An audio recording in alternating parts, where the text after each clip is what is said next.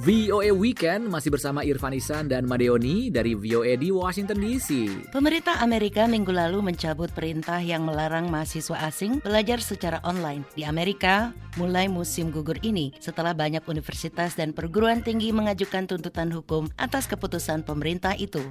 Kita simak selengkapnya bersama Isa Ismail. Jawatan Imigrasi dan Pabean atau ICE mengumumkan hal itu untuk membatalkan peraturan sebelumnya yang melarang dan akan memulangkan mahasiswa asing yang belajar secara online di Amerika.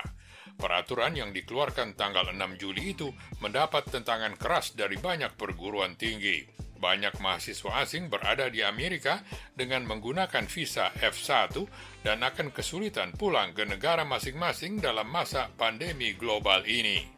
Hakim Pengadilan Distrik di negara bagian Massachusetts mengatakan telah dicapai persetujuan antara Jawatan Imigrasi dan badan induknya, Departemen Keamanan Dalam Negeri, bahwa pemerintah mencabut peraturan itu.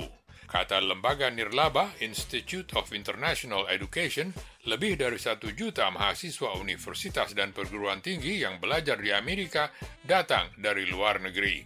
Kata Mois Rehan, seorang siswa dari Pakistan, You know, I don't want to put my family at risk. I don't want to put myself at risk to travel during a pandemic. Saya tidak mau membahayakan keluarga saya. Saya juga tidak mau membahayakan diri untuk bepergian dalam masa pandemi ini dengan terbang ke Pakistan. Kalaupun saya bisa menunda program kuliah saya selama satu tahun, tidak ada jaminan saya akan bisa mendapat visa yang sama nantinya. Banyak mahasiswa mengatakan mereka perlu terus berada di Amerika bukan saja untuk keperluan mengikuti kuliah langsung. Kata Abdul Manan Bat, The library is extremely an extremely important resource for us. Uh, and as it is Sebagai mahasiswa kandidat PhD, saya perlu bisa mengakses perpustakaan. Dan karena adanya COVID-19, kini kami tidak bisa mengakses bahan-bahan studi itu. Keputusan untuk memulangkan para mahasiswa asing itu muncul setelah banyak universitas dan perguruan tinggi beralih ke sistem kuliah online untuk melindungi para mahasiswa dari pandemi. Peraturan pemerintah itu akan mengharuskan mahasiswa asing itu pulang ke negara masing-masing. Kata Lynn Pasquerella dari American Association of Colleges and Universities, you know, more than 90% of the students, international students who were studying in the US when COVID-19 hit and college campuses. lebih dari 90% mahasiswa asing yang belajar di Amerika ketika COVID-19 tiba telah memutuskan untuk tetap tinggal di Amerika. Tapi peraturan ini menimbulkan gangguan dan ketidakpastian dalam kehidupan mereka. Pemerintahan Presiden Trump mengatakan sebelum ini kuliah secara online tidak memerlukan visa, karena itu mahasiswa tidak perlu berada di Amerika. Para pengecam kebijakan itu mengatakan keputusan ini akan merugikan sistem pendidikan tinggi, perekonomian, dan juga diplomasi Amerika.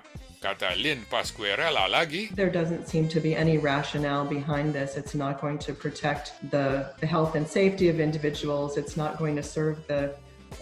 Tampaknya tidak ada pemikiran yang rasional di balik semua ini, karena peraturan itu tidak akan melindungi kesehatan atau keamanan mahasiswa, juga tidak akan menguntungkan perekonomian Amerika, apalagi mengingat bahwa 40 miliar dolar pendapatan berasal dari mahasiswa luar negeri. Universitas terkenal Harvard dan MIT adalah yang pertama-tama mengajukan tuntutan hukum atas pemerintah Amerika karena mengeluarkan peraturan itu. Dari Washington, saya Isa Ismail.